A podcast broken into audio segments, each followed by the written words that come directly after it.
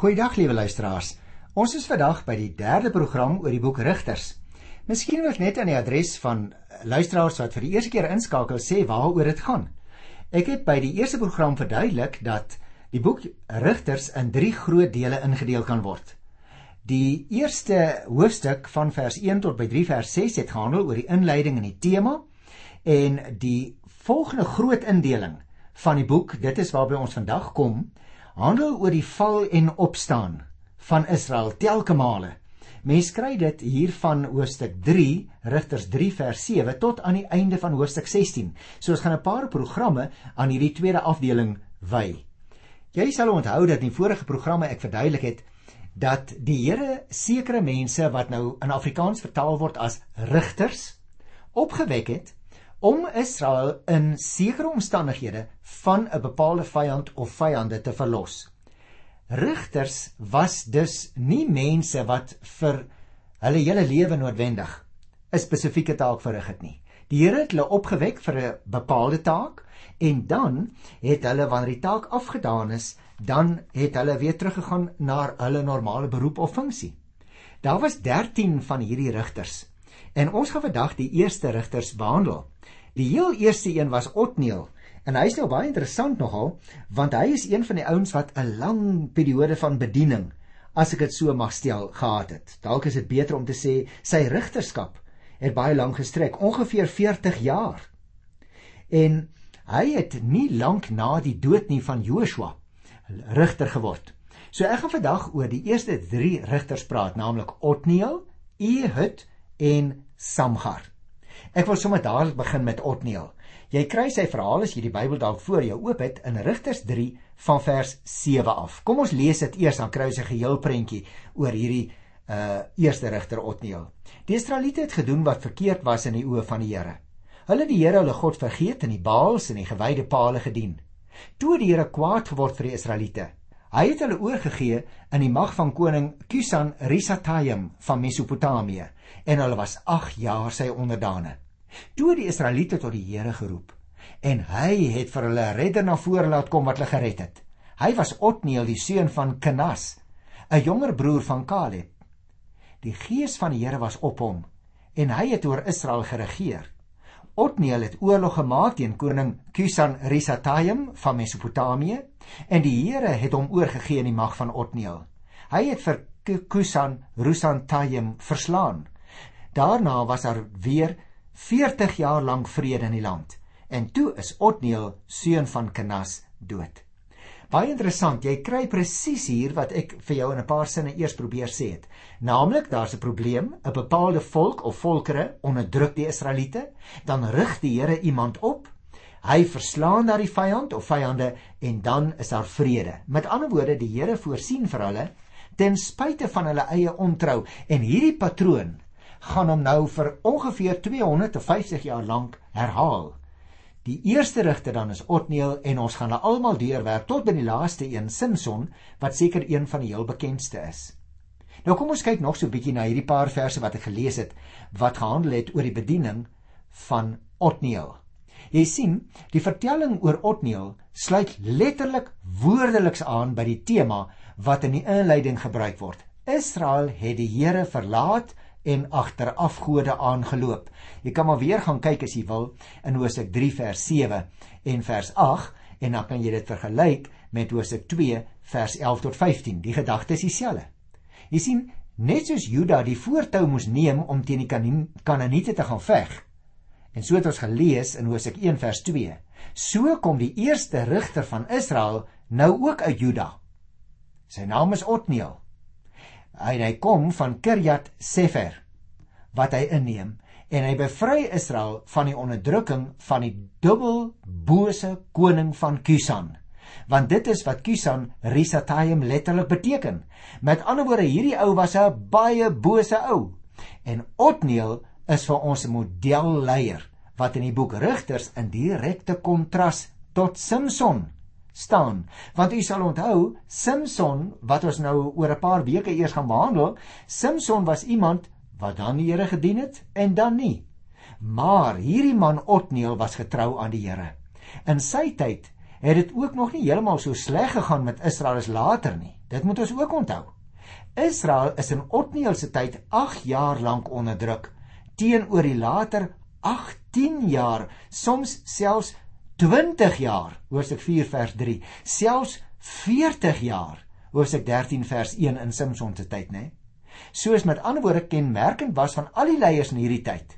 Lei Otniel die volk, hy voer oorlog teen die onderdrukker, hy verslaan die vyand en hy bring vrede in die land vir solank as wat hy self lewe.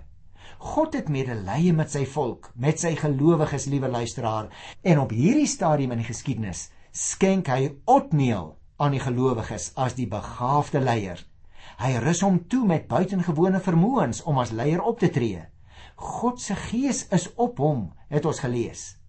En God is by hom, het ons gelees. Deur hom is God ook by sy volk. 'n Mens kry daardie gedagte dus ook al reeds dikwels in die Ou Testament.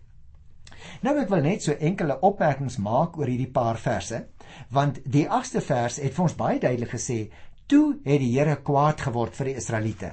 Weereens liewe luisteraar, dit is 'n mensvormige voorstelling van God, né? Want hoe sal u en ek tog die Here anders verstaan as die Bybel hom nie aan ons voorhou as iemand wat soos ons sê nou maar 'n arm het en bene het en 'n oog het. En daarom lees ons ook hier wat die emosie betref op 'n manier wat ons kan verstaan. Toe het die Here kwaad geword. Jy sien die Here veroordeel die Israeliete juis deur hulle oor te gee in die hande van hierdie baie wrede koning. Hierdie man, liewe luisteraars, kan ons ongelukkig nie in die geskiedenis met enige ander persoon identifiseer nie. Ons lees hier van hom en dan kry ons hom nie verder weer op die bladsye van die Bybel nie. Soortgelyke name tussen hakies kom wel in die Ou nabye Ooste voor, maar ons kry hom nie weer hier in die Ou Testament nie. Kom ons kyk na vers 9 en 10. Toe die Israeliete tot die Here geroep, en hy het hulle 'n redder gegee. Jy sien uit hulle midde laat die Here dan 'n redder te voorskyn kom en dit is dan Otniel.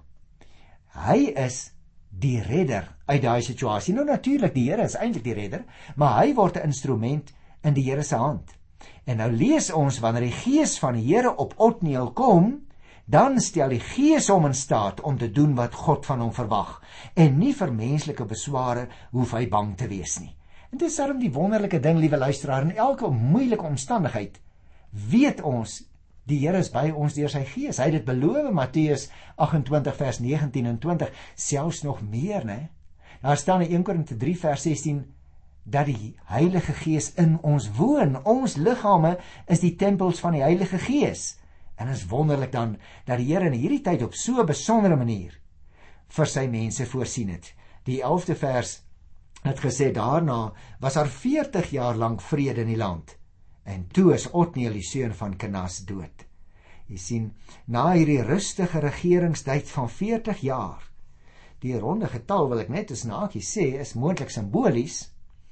Uh, ons kan baie daaroor redeneer, maar ons weet nie regtig nie. Nietemin, na hierdie per, lang periode van sy regter optrede, is hy dan dood. So kort, so bondig beskryf die Bybel die 40 jaar van hierdie eerste rigter. En dan kom ons by die tweede een. Sy naam is Ehud. Kom ons lees hierdie verse en dan gaan ons so bietjie vers vir vers weer na sekere dinge kyk rondom Ehud se verhaal die tweede rigter. Ek is nou by Rigters, die derde hoofstuk by vers 12. Die Israeliete het weer gedoen wat verkeerd is in die oë van die Here. Hy het koning Eglon van Moab mag oor hulle laat kry omdat hulle gedoen het wat verkeerd was in die oë van die Here. Jy sien weer eens, dis 'n reëling wat die Here oor die gelowiges toelaat. Vers 13 sê Eglon het die Ammoniete en ook vir Amalek by hom laat aansluit en hulle die Israeliete gaan verslaan en die Palmstad verower. Die Israeliete was 18 jaar lank die onderdane van koning Eglon van Moab. Toe het hulle tot die Here geroep om hulp. En hy het 'n redder na vore laat kom, Ehud, die seun van Gera 'n Benjaminiet. Ehud was links en die Israeliete het hom in die belasting gestuur na koning Eglon van Moab toe. Ehud het vir hom 'n swaard gemaak, halwe meter lank en dit aan albei kante geslyp. Hy het dit aan sy regterhand onder sy klere vasgemaak. Hy het die belasting oorhandig aan koning Eglon van Moab, 'n baie vet man. Vers 18 sê: Nadat Eet die belasting oorhandig het, het die koning die mense wat dit gebring het laat vertrek. Maar luister nou mooi. Maar Eet het by die beelde naby Gilgal omgedraai en vir die koning kom sê, nou die beelde was 'n plek, né, naby Gilgal omgedraai en vir die koning kom sê, koning Eglon, ek het 'n geheime boodskap om vir u te gee. Toe sê die koning: "Laat ons alleen." En al sy amptenare het van hom weggegaan. U het dit nader gekom na die koning toe waar hy gesit het in sy koel bo vertrek wat net vir hom bedoel was en vir hom gesê: "Ek het 'n boodskap van God vir u." Hy het opgestaan van sy troon af en Ehud het sy swaard van sy regterheup af met sy linkerhand gegryp en vir Eglon in sy maag gesteek. Die hef het saam met die lem in sy maag ingegaan en die vet het oor sy swaard gepeel sodat Ehud dit nie kon uittrek nie. Hy is toe deur 'n geheime ingang en deur die voorportaal het hy uitgegaan nadat hy die deur van die boefretrek toegetrek het en dit gesluit het. Vers 24 sê: Nadat hy uit is, het Eglon se amptenare gekom en toe hulle sien dat die deure van die boefretrek gegrendel is, het hulle gedink dat die koning seker besig is om te ontlas daar in die koel vertrek. Hulle toe tot vervelings toe gewag. Maar die koning het nie die deure van sy boefretrek oopgemaak nie. En toe hulle sleutel vat en oopsluit, lê die koning daar dood op die vloer. En omdat hulle so lank gewag het, kon Ehud ontsnap. Hy het by die beelde, ek het net al vir u gesê dis 'n plek. Hy het by die beelde verbygegaan en na Seira toe gevlug. Toe hy daar kom, het hy die ramshoring op die Efraimsberge laat blaas. Die Israeliete het daarvandaan na hom toe gekom en hy het hulle leier geword en vir hulle gesê: "Kom saam met my, want die Here gee julle vyande die Moabiete in julle mag oor." Hulle is toe saam met hom en hulle die Jordaan drywe na Boa beset en niemand kon daar deurgaan nie. By daardie geleentheid het hulle die Moabiete verslaan. Omtrent 10000 man, almal sterk en goeie soldate, niemand het ontsnap nie. Moab is daardie dag deur Israel onderwerp en daar was 80 jaar lank vrede in die land. Nou liewe luisteraar, hier het ons ook 'n ietwat vreemde verhaal, né? Wat die Here gereël het sodat Israel kon bevry word van die Moabiete. Nou ek wil eers weer vir iets hiervan sê, dan kan ons nog 'n bietjie oor praat. Want die patroon van val en opstaan herhaal homself weer hier, nog 'n keer. Wanneer Israel God om hulp smeek, gee vir hulle 'n redder. Hierdie keer is dit iemand uit die stam van Benjamin. Alles aan hierdie persoon was eintlik in 'n sekere sin ironies. Want Eet was seker die mees onwaarskynlike kandidaat denkbaar om 'n leier van Israel te word. Hy was 'n alleenloper. Hy was 'n belastingamptenaar, 'n man wat vanweë sy linkshandigheid eintlik nie geskik was om 'n soldaat te word nie. Daar's ook ironie in sy afkoms. 'n Linkshandige wat uit die regterhand stam van Benjamin kom. Gaan kyk gerus in Genesis 35 vers 16 tot 20 en sê jy die vergelyking maklik verstaan.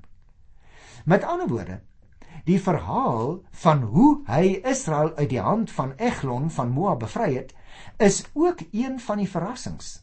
Een met onverwagte wendings. Niemand het byvoorbeeld verwag dat iemand 'n swaard aan sy regterhand sou dra in daardie tyd nie.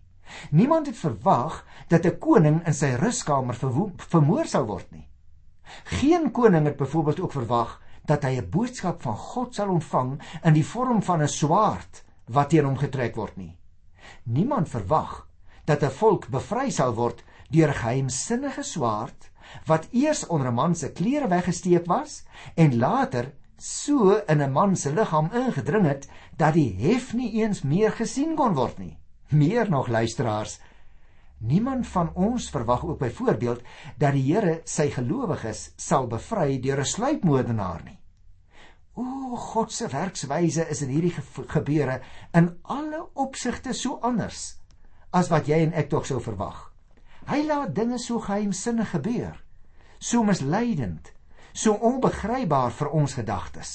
En tog, dit is hoe hy Israel laat red het vir 80 jaar lank in vrede laat lewe het daarna. Nou, die effek van hierdie verhaal is dat dit vir jou en vir my waarskynlik onthuts en dit verras ons ook terselfdertyd. Ons het onsself byvoorbeeld toegelaat om mettertyd op ons eie manier oor God te dink en te praat.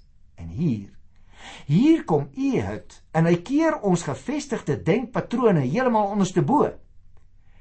Jy sien wanneer dit by die Here kom, dan het ons nie met net nog 'n mens of net nog 'n bedenksel van ons verstand te maak nie met respek gesê. Want liewe luisteraar jy en ek moet altyd onthou God is uniek. Hy is verhewe. Hy is wat hy is ons moet altyd daardie ruimte in ons denke en in ons lewensverwagting ooplos sodat die Here met ons sal maak soos hy wil sodat hy ook in hierdie verhaal kan optree soos hy wil. Byvoorbeeld wat ons gelees het hier in vers 13 en 14. Eglon het die Ammoniete en ook vir Amalek by hom laat aansluit. Met ander woorde, hierdie Ehud wat geroep word as 'n rigter wat nou uittrek teen daardie koning Eglon Nou lees ons, maar hy het eintlik nie net teen Eglon laat uittrek nie. Hy het ook nog 'n ander koning by hom laat aansluit. En dan staan daar hierdie, ek wil nou amper sê, hierdie koalisie wat die Israeliete so swaar laat kry het. Van hulle sê die 14de vers, die Israeliete was 18 jaar lank die onderdane van koning Eglon van Moab. Met ander woorde, jy het hier eintlik nie net met een groep mense te maak nie, jy het met verskillende groepe te maak wat hulle self verenig het onder koning Eglon wat die koning was van die Moabiete. En dan kry ons die vreemde verhaal van hoe Ehud optree. Hoe hy van 'n swaard maak in vers 16, 'n halwe meter lank, aan albei kante geslyp, maar hy sit dit aan sy regterkant onder sy klere vasgemaak.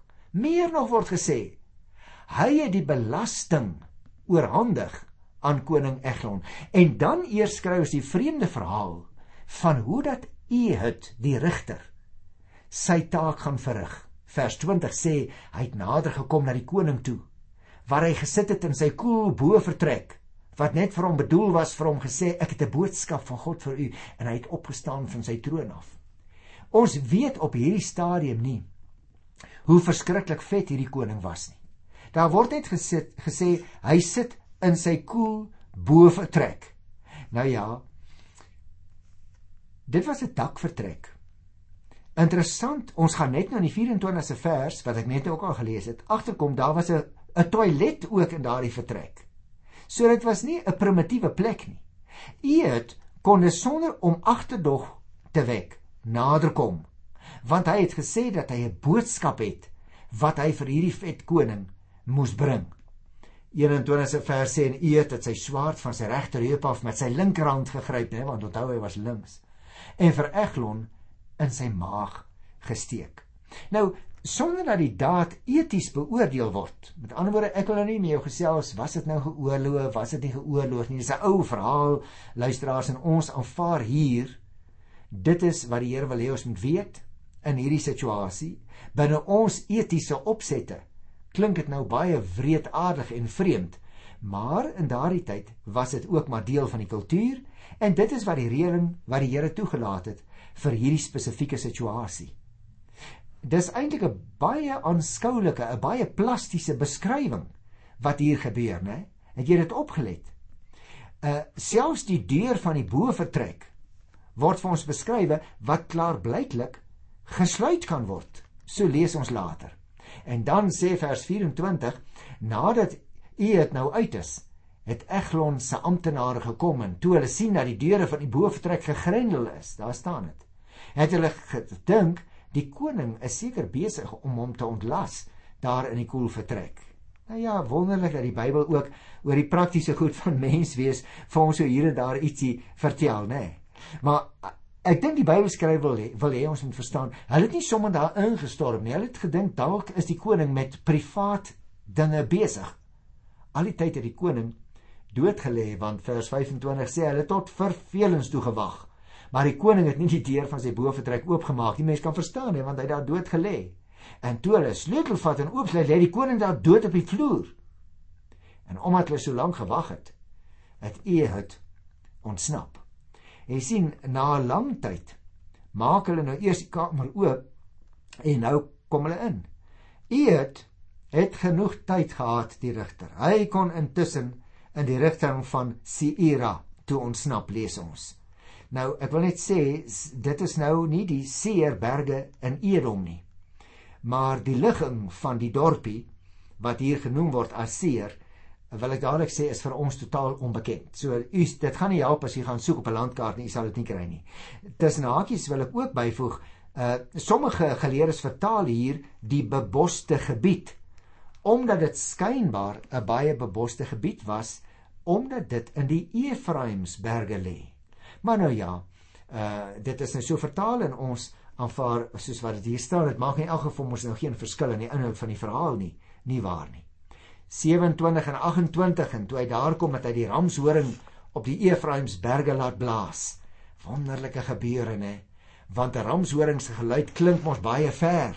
En daarom as as ou Eet nou daar kom op die berge in Efraim in die gebied van Efraim, dan blaas hy op die ramshoring. Hoekom? Want dit was waarmee hulle gewoonlik die stamme opgeroep het uh, tot aksie, veral ook as daar 'n stryd voorgelê het. Eet trek dus hier as leier voor hulle uit en hy verseker hulle met 'n woord van die Here dat die Here hulle die oorwinning sal gee. Ons het dus hier 'n baie mooi voorbeeld van 'n leier en so behaal hulle dan ook uh oor die dapper Moabitiese soldate 'n klinkende oorwinning. Die 10000 wat daar genoem word, beklemtoon eintlik vir ons juis die groot getal.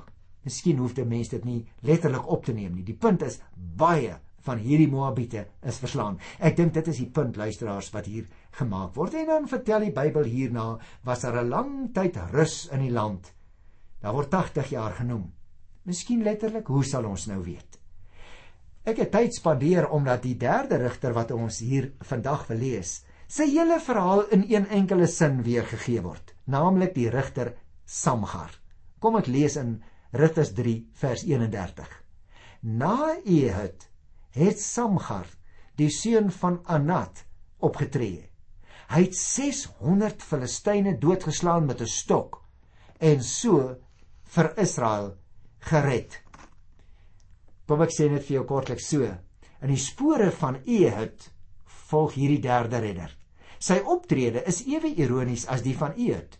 Weereens tree 'n man van wie niemand dit eintlik verwag nie op as 'n redder. Vir al die wapen wat hy gebruik is 'n verrassing. Dit het jou ook seker opgeval, né? Dit was 'n stok waarmee hy die vyand verslaan het. 'n Gewone stok wat gewoonlik gebruik is om vee mee aan te jaag. Nou hierdie stok wat hier genoem word, is waarskynlik een gewees soos destyds wanneer jy vee aanjaag, 'n gewone stok met 'n eysterpunt. Dit verklaar vir ons miskien hoekom hy die klomp mense verslaan uh onder die Filistyne, né? En hierdie stok word in Samgar se hande 'n dodelike wapen waarmee hy die bykans bo menslike reg kry om op sy eie 600 mans dood te maak. Nou of dit alles by dieselfde geleentheid was, dit weet ons nou nie. Maar weer eens, dis die punt. Weer eens sorg die Here vir sy volk op 'n manier wat ons heeltemal onkant vang. Ons moet nooit namens die Here besluit of probeer voorskryf hoe hy met ons moet werk nie, liewe luisteraar. Ek dink ons kan hiermee afsluit dat by die Here is alle alle dinge moontlik, ook in jou en in my lewe. Onthou die vraagtekens word dikwels deur die Here verander in uitroeptekens. Mag ek jou vra? Loop jy elke dag in die strate soos 'n vraagteken krom of loop jy soos 'n uitroepteken? regop 'n oorwinnaar in die naam van die Here Jesus Christus. Wonderlike wonderlike God. Tot volgende keer. Totsiens.